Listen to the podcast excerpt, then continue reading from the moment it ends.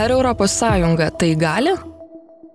Laida Ar ES tai gali yra Europos radijos stočių tinklo Euronet Plus dalis. Sveiki žinių radio klausytojai, Jonės Aligaitė su jumis. Ūkininkai protestuoja ne tik Vilniuje, bet ir Paryžiuje, Berlyne, Briuselėje ir daugelie kitų ES sostinių. Kągi gali padaryti bendryje, kad ūkininkai susidurtų su mažiau problemų ir kurie sprendimai ūkininkų netenkina labiausiai. Apie tai mes šiandien pasikalbėsim. Aš sveikinuosi su Europos parlamento nariu Broniu Ropė. Sveiki. Labą dieną. Ir taip pat Kauno krašto ūkininkų sąjungos pirmininku Mindaugu Masiulevičiumi. Sveiki. Labadiena. Tai gal nuo jūsų, ponė Masilevičiu, ir pradėkime apie Lietuvos ūkininkus. Tikrai jau daug prikalbėta pastaruoju metu, turėjom net ir Seime neįlinę e, sesiją, parlamentarai kažkaip stengiasi spręsti tas problemas, bet visgi kokios yra pagrindinės problemos, kurios kyla Lietuvos ūkininkams būtent dėl ES reguliavimų? Tai aš manyčiau bendra problema vis dėlto yra tas per daug ambicingas noras čia ir dabar per naktį paversti viską labai žaliu, visiškai ne, neatsižvelgiant į socialinius ir ekonominius padarinius. Ir tai akivaizdu, nes jeigu mes turime investuoti didelės lėšas į transformaciją mūsų technikos, sakysim, ir per naktį tapti iš dizelio traktorių vairuotojų į net neegzistuojančias technologijas, nežinau, ar elektros traktorių, ar biodujų traktorių vairuotojus, kur tik keletą modelių yra ir jie netokie ir galingi, nu tai tiesiog yra utopija tai ir europos ūkininkai ir lietuvos ūkininkai sako tą patį kad viskas turi eit pagal mokslo raidą kaip įvyksta ta transformacija. Lygiai taip pat ir apribojimai dirbtiniai kur yra dėl bioįvairovės išsaugojimo ale bioįvairovės iš išsaugojimo. Tų problemų kyla jeigu kalbam apie ornitologiją apie apie paukštukus juk žinome ir paukščių maras yra ir klimato kaita prisideda prie tų rūšių nykimo. Ir tačiau ornitologai ir visi kiti kaltina tiktai ūkininkus kad mes ale suarę pievas. Jokių mes pievų ten per daug nesuarę. E, tikrai dabar po paskutinės bžūp reformos absoliučiai daug įdiegė žaliųjų technologijų ir įsėliai ir posėliai ir pažiūrėkit kokie gražūs laukai būna kai būna nuimtas derlius ir ten pasėtos net šešios kultūros būna ir saulėgrąžos ir liucernos ir kitos žydintys augalai. Tokie tikrai dabar ta transformacija akivaizdi bet niekas apie tai nekalba. Tai buvo sąlygota europos tam tikrų įtakų daug europa davė gero aš čia ne ne nekvestionuoju bet tam tikra prasme kartais atsitinka taip kad mes daug kur ir perlenkiam tą lazdą ir norim per daug greitai ir per daug ra radikaliai radikaliai tų transformacijų. Ir tačiau turim turėt omeny kad vis dėlto mes dirbam vieningoj rinkoj ir jeigu mes norim kaip šalis narė padaryti tą labai greitai mūsų broliai lenkai ir broliai latviai ir broliai vokiečiai jie taip neskuba. Ir tada gaunasi kad mūsų ir ekonominiai kaštai reiškias mūsų savikaina brangėja ir kas svarbiausia mūsų pačių vartotojai akivaizdu kad jie to neįvertina nes jie renkasi pigesnius importinius produktus. Aš jau nekalbu bendrai europos mastu kur ūkininkai labai aiškiai komunikuoja. Palaukit mes kaip žemynas investuojam maksimaliai ir čia tikrai spaudžiam savo ūkininkus investuoti ir tapti be galo žaliais tačiau mūsų pačių gamintojai persikelia į maroką į afrikos kitas šalis į merkosūrio susitarimas į braziliją tenais į į kitas trečiąsias šalis. Jie darys tą patį be jokių apribojimų ir pasinaudodami e te tos prekybos laisvos prekybos sutartimi be jokių akcizų be jokių mokesčių įvežinės į mūsų pačių rinką vieningą rinką tuos produktus pigesnius. Tai čia reikia ir paminėt ir tą pačią mūsų brolišką ukrainą iš tiesų ten standartas yra kur kas mažesnis ir ir ir ten kur kas mažiau investicijų reikia ta įtampa va kur lenkijoj kyla ypatingai jaučiama tai ten nu tam tikras e, dempingo faktorius gavosi ir į šitą irgi reikia atsižvelgti. Tai čia yra kompleksiniai sprendimai kur dabar gal jau pagaliau ir pati europos komisija labai aiškiai suvokia kad negali per daug perspaust tą žalią ambiciją nes tiesiog tapsi nekonkurencingu. Jeigu tapsi nekonkurencingu sužlugdysi savo ūkį. O jeigu sužlugdysi savo ūkį daug darbuotojų liks be darbo arba tavo vartotojai nebeįpirks mes jau ir dabar lietuvoj kalbam kad nu nu gaunasi tokia situacija kad lietuvišką kokybišką tikrai švarų produktą leisim sau tik per šventes turbūt nusipirkti. Tai va tokia situacija. Tai mes to norim išvengti. Ir tas protestas ne apie ūkininkus. Gink dieve ne apie ūkininkus. Mes sakom atsibuskite pagaliau ir čia už vartotojus taip turbūt interpretuot reikėtų. Pone rope kiek europos parlamentas kiek briuselis įsiklauso į ūkininkų šūksnius? Nes tai ką matom briuselyje turbūt net nelabai galėtum palygint su tuo ką matėm vilniuje. Ten ūkininkai labai stipriai protestuoja. Kiek imamasi keisti situaciją ir ką yra sudėtingiausia suderinti būtent europos politikams? Na laba diena tai protestuoja čia nuolatos visi protestuoja tame tarpe ir ūkininkai ir paskutinį kartą. Ir aš ir ponas mindaugas dalyvavo kelis kartus ir tie vadovų tarybos ir svarstant pinigus ir su grybauskaite ir su nausėda. Tai čia yra toks sakykim niekas čionai nieko nedraudžia visi gali atvažiuot pastovėt iške iškelt plakatus parodyt. Lietuvoj gal kitą sykį sunkiau reikia ilgai derint jeigu nori praleist dar vieną naktį tai valdžia neleidžia ir turi važiuot namo apsisukęs tai deja yra tokia galimybė bet dabar žiūrint į šitą situaciją tai vis dėlto noriu pasakyt kad ir vakar buvo susitikimas su kopos ir kodžekos vadovais europos parlamente jau gal vyksta penktas susitikimas. Ir vis dėlto pagrindinis dalykas tai paskutiniai nacionalinių valstybių priimti sprendimai kurie na sakykim jautrią situaciją dar daugiau išjautrino ir sukėlė nepasitenkinimą. Dėl to kad reiškia mažėjančias pajamas dar sumažino valstybė arba padidino išlaidas žemdirbiam. Vat lietuvos tie šeši reikalavimai kurie na sakykim tokie jau aiškūs kaip du kart du kurie pateikti valdžiai tai praktiškai lietuvos valdžios darbo rezultatas ir lietuvos valdžia pripažino kad tai yra klaidos ir puolė taisyt ir šiandien jau girdžiu kad seime kažką tai pradeda balsuoti. Tai tas pats panašiai yra vokietijoj panašiai yra ir kitose šalyse. Tai iš dvidešim septynių šalių dvidešim penkiose šalyse vyksta tie piketai. Tai reikia pasakyti tokį dalyką kad europos sąjungos reikalavimai yra ne ne ūkininkams skirti jie skirti valstybėms valstybėms narėms.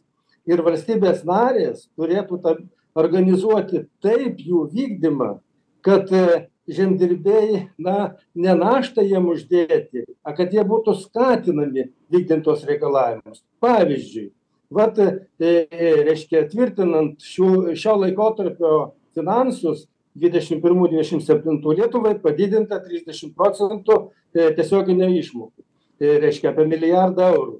Bet aišku tai nesiekia dar europos sąjungos vidurkio bet leista tiek pat prisidėti prie kaimo plėtros kiek skirta iš europos. Tai pavyzdžiui lenkai pridėjo šimtu procentų ir lenkai išlygino išmokas šiandieną šituo laikotarpiu tai o lietuva pasakė mes neturim pinigų.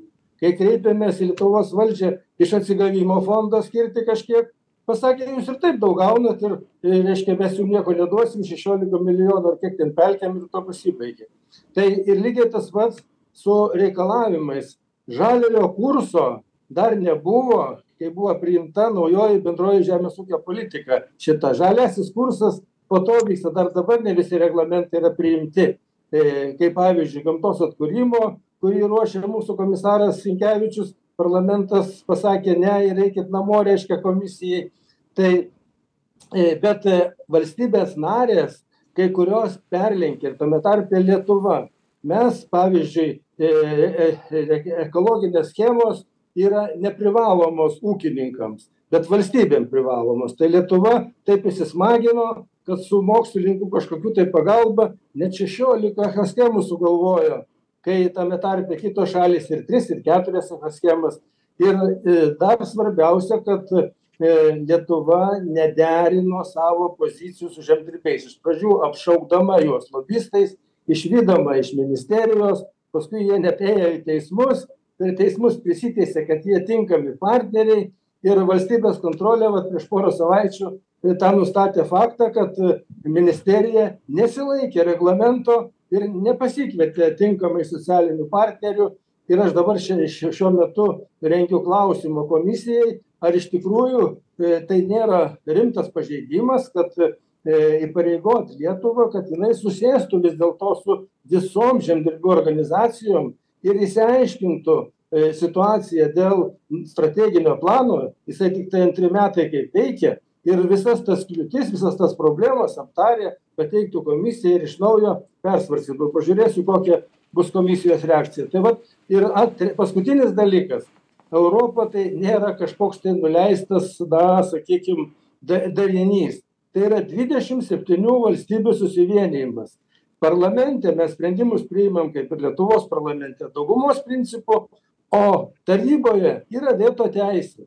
Ir visa tai kas šiandieną galioja lietuvoj yra lietuvos valdžios lietuvos prezidento lietuvos ministrų pritarta ir lietuvos seimo reiškia europos reikalų komiteto ir iš tikrųjų jeigu prisiimti per stiprūs reiškia įsipareigojimai tai turėtų lietuvos reiškia šiuo atveju valdžia ieškoti būdų kaip padėti juos įgyvendinti. Aš suprantu vartotojų lūkesčiai mes visi esam visi norim kuo geresnės kuo švaresnės produkcijos bet turim žiūr turėt omeny kad visi reikalavimai kuriuos perkeliam ūkininkam už juos turės vartotojas sumokėt ar mes šiandien pasiruošę tą daryt? Kitas klausimas. Dar vieno trumpo atsakymo norėčiau iš jūsų apie daugiama daugiametes pievas kadangi mes šias laidas rengiam per visą europos sąjungą ir visą laiką apie tas pačias temas kalbame kolegė derindama temą užsiminė apie daugiametes pievas ir jų situaciją lietuvoj. Ir europos sąjungos kiti žurnalistai na buvo šiek tiek nustebę nes pas juos tos to klausimo lyg ir nebuvo ar nebuvo tai svarstyta. Kažką lyg tai estijoje buvo girdėję apie tai kad na yra kažkokių problemų ir estijoje su tuo. tai aš kaip suprantu daugiametės pievos yra grynai lietuvos problema ar ne?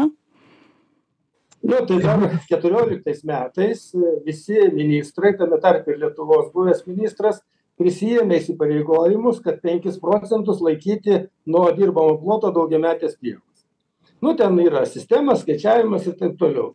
Nu ir mes užsiliūliavom ir užmiršom matyt tą klausimą kadangi strateginio plano dabartinė lietuvos valdžia nederino su žemdirbiais tai perrašė tas kas buvo ir nuvežė reiškia komisijai. Tai pasirodo kad iš pradžių kaltino e, europą paskui kaltino buvusius ministrus a dabar pasakė kad mūsų klaida taisysim tiktai tiek kad e, ištaisyti visada yra sunkiau negu kad iš karto susiderėti. Ir teikdami strateginį planą galėjo šitą klausimą sutvarkyti statistiką sutvarkyt ir mes šiandien kaip ir kitos šalys neturėtumėm problemų o dabar iš tikrųjų atgal ištaisyti nėra taip paprasta bet tą darbą reikia padaryt paprasčiausia nes yra su sudėti du skaičiai. Yra reiškia daugiametės pievos sudėtos su reiškia žalinimo programom. Ir vat gavosi vos ne beveik dvigubi plotai ir nuo to dabar reiškia kai kai kuriems ūkininkams yra didžiulė našta ir reikia vos ne visą ūkį laikyt daugiametėm pievom. Tai yra nesąmonė europarlamentaras kaip suprantu daug laiko neturi tai galbūt mes jį jau galim ir paleisti. Aš dar norėčiau šiek tiek su jumis mindaugai masiulevičiau pasikalbėti. Turim mes čia citatą iš lenkijos. Kolegų štai ekologiška ūkininkė ir agroperma leb fondo pedagogė violeta olejarčik kolegoms iš polski reidijo sako kad reikėtų pokyčių europos sąjungos biurokratijoje ir taip pat ji tikisi kad anksčiau ar vėliau bus prieita prie pesticidų naudojimo mažinimo klausimo nuo kurio projekto dabar atsitraukia europos komisija. Ta biurokratizacija która jest we biurokratija kuri yra bendroje žemės ūkio politikoje turėtų pasikeisti. dėl jos ūkininkai dažnai nebeturi laiko užauginti maisto nes labai daug reikalavimų kuriuos labai sunku suprasti ir sunku įvykdyti. tam pritariu. tuo pačiu viliuosi kad viskas kas siūloma bendrojoje žemės ūkio politikoje bus įgyvendinta nes aš visiškai sutinku kad turėtume atsisakyti pesticidų. tyrimo duomenys yra nedviprasmiški dėl neigiamo pesticidų poveikio mūsų sveikatai floros ir faunos sveikatai bei visai visai aplinkai su kuria esame tiesiogiai susiję. Flory i fauny i całego środowiska z którym jesteśmy bezpośrednio związani. Ar jūs pritariat tokioms ūkininkės mintims na kad per daug jau tos biurokratijos reikalavimų kad jau nebespėja ūkininkai net tos pačios žemės dirbti kiek reikia na visko aprėpti čia su kiekviena reforma ateina vis nauji žurnalai kuriuos reikia pildyti ir vis naujos kažkokios tvarkos. Iš tiesų dabar ūkininkas tapo buhalteriu o ne. Ta prasme jis neturi jau laiko turbūt traktoriuj sėdėt o turi pildyt žurnalus. Ir tai tai labai daug streso sukelia ir kitas dalykas turėkim omeny kad tie žurnalai nėra kažką ką tu užpildei ir nėra pasekmių. Jeigu tu įvėlei kažkokią žmogišką klaidą mes daug pavyzdžių turim ir lietuvoj kur ūkininkai finansiškai nukentėjo vėl vien dėl žmogiškos kaltės o niekas neįsiklausė į tą paaiškinimą. Ir tai yra tiesiog kelias į niekur.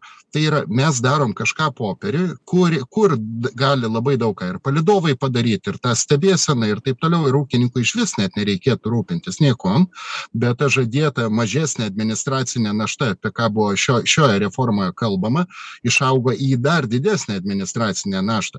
Dėl pesticidų tai aš atvirkščiai pasakyčiau šiai dienai reikėtų lyginti pagal faktus. Jeigu žiūrėsim olandiją daniją kitos intensyvios žemės ūkio šalys jos naudoja dešim kartų daugiau pesticidų kartais ir daugiau pagal atskiras kategorijas negu kad lietuva. Mes nykstamai mažai jų naudojam ir ta prasme tas spaudimas lietuvos ūkininkam dar toliau mažinti jau su agronomijos mokslu tiesiog nesueina nes e, pesticidas tai yra tam tikra prasme kaip ir kaip ir e, nu žemės ūkio dalis kuris atlieka tam tikrus e, kai sakant veiksmus. Tai čia šitoj vietoj mes negalim palikti ūkininkų be instrumentų lygiai taip pat kaip negalim palikti ūkininkų be žemės. Nes žemė lygiai taip pat yra instrumentas darbo įrankis o kur apribojimai ateina iš europos sąjungos ir ypatingai dar papildant ypač ambicingus nacionalinius tikslus kai ūkininkam uždraudžiama jų pačių žemėj auginti ir iš to išgauti pridėtinę vertę mokėti mokesčius prisidėti prie tos pačios valstybės kūrimo ženkliai o jiem tiesiog sako ne ne ne brolau palik čia žolę ir nieko nedaryk nes čia viskas gerai. Mes ir taip tų žolynų turim milijonus hektarų ta prasme laisvų kurie valstybei priklauso. Pasižiūrėkit visas rytų a nuo nuo pat varėnos nuo druskininkų iki ignalinos ten vien žolynai toliau žemaitija vien žolynai. Ir tik ne nedarykim tos copy paste scenarijo kur iš olandijos ar belgijos mūsų a mokslininkai ne mokslininkai o taip vadinami ekspertai nusikopijavo kad pas juos ten tikrai bėda nes viskas užarta iki paskutinio centimetro mes labai daug bioįvairovei palikę esam vietos kur nėra įnešta į žemės ūkio paskirties žemę žemės ūkio naudmenas ir tikrai bioįvairovė lietuvoj klestinti yra o kad mažėjimas yra tai dėl kitų dalykų. Tai čia vat yra pagrindiniai dalykai kur visiškai neįsiklausoma į tam tikras natūralias kitokias sąlygas e tarp šalių narių. Ir čia va grįžtu prie tų daugiamečių pievų. Lygiai ta pati situacija. Lietuva latvija estija mes turim šitą problemą. O turim ją dėl ko? Dėl to kad e su pieno rinka patys matot kas darosi. Ūkininkai protestuojam jau daugiau negu metai patys važiavom su komisaru šnekėtis patys turėjom išsikovoti kad ir europinė parama būtų. Ir tikrai tą padarėm ir mus išgirdo bet toliau jokios paramos nėra ir pieno ūkiai vienas po kito užsidaro. Ir čia čia kasdieną rodo tą per žinias. Tai jeigu ūkiai užsidaro tolesnė veikla būdą kad užaria pievas ir toliau augina grūdus. Nes nu karvės kiekviena karvė yra nuostolinga tai no normalu. Ir jeigu valstybė nei europa nepadeda kad nebūtų nuostolinga tada nu vienintelė išeiga ir yra kad kad daryti tą kaip sakant nu persikvalifikavimą į kitą veiklą. Ir mes netgi rėmėm kaip valstybė daug metų netgi investicijas davėm ir europines investicijas ir netgi liepėm įsipareigoti kad padidinsi produktyvumą taip ir taip. O dabar kas gaunasi? Žmogus kuris paėmė paramą persiorientuoti iš pienininkystės į grūdininkystę jis gauna žinutę iš nacionalinės mokėjimo agentūros ir jam sako brolau tu daryk ką nori bet tu tu turi savo tuos visus grūdų laukus atsėti pievom. O tai ką tose pievose ganyti mes gi sakom nu sveiko proto trūksta. Tai jeigu kalbam apie a gamtinę įvairovę tai tikrai tos kelios keli hektarai suartų pievų tikrai nėra problema. Čia yra tiesiog biurokratinė dirbtina problema kuri sudaryta tiesiog dėl mūsų pačių a biurokratų sakysim nesupratimo ir netgi aritmetinė klaida sakyčiau tai bent jau tiek ačiū dievui kad ne vien lietuviai bet ir latviai ir estai tai gal kažkaip tri tri trise vėl atkovosim tą bendrą. Jau mes čia kelintą kartą aš pamenu dešim metų koordinavau tas baltijos ūkininkų protesto akcijas. Tai vėlgi kol mes bloke tai mūsų dar girdi. Būtumėm vieni tai nieks ne neišgirstų. Tai čia čia bent jau tas gelbėja kažkiek ir teikia vilties kad pagaliau kažkas įsiklausys kad nereikia per daug žaliuot ten kur negalim sau leist žaliuot. Nacionalinis saugumas. Maistas tai yra nacionalinis saugumas. Dabar jau visa europa suvokia pagaliau kad turim maksimaliai dėti pastangas kad apsirūpintumėm maistu ane ir kad kad būtumėm tikrai nepriklausomi ir neduok dieve krizei tokiai ištikus kur dabar šiai dienai ukrainai kad nebūtų kažkokių neigiamų padarinių juk pandemija parodė labai akivaizdžiai karo sąlygos parodė prasidėjus karui ekonominė ta e, būtent energetinė krizė parodė ant kiek mes neatsparūs. Tai va dėkim visi pastangas tapti labiau nepriklausomi labiau uh, užtikrinantiems savo piliečiam sveiko kokybiško maisto prieinamumą. Ir be jokios abejonės tausokime aplinką. Čia čia nieks nekvestionuoja nei vienas ūkininkas jum nepasakys kad mes aplinkos netausojame. Mes tiek įdėjom bet nei vienas politikas nepasakė iš visų sektorių daugiausiai žaliojo kurso vardan yra žemės ūkis padaręs tokią transformaciją kad tikrai ste stebina bet ar jūs bent jau girdėjot vieną politiką pasa pasakiusį ačiū ūkininkai už jūsų pastangas nes tik toliau priekaištus girdim kad vėl kažką blogai darom. Tikrai taip nėra. Ir vartotojai turi žinot ne apie ūkininkus čia kalbam tiktai apie jūsų galimybę įpirkti mūsų užaugintą produkciją. Nes jeigu mūsų valdžia dar daugiau reikalaus to ko nepriklauso jūs jos tiesiog nebeįpirksite. Ačiū jums labai kad šiandien skyrėt laiko su kauno krašto ūkininkų sąjungos pirmininku mindaugu masiulevičiumi ir europos parlamento nariu broniu rope kalbėjome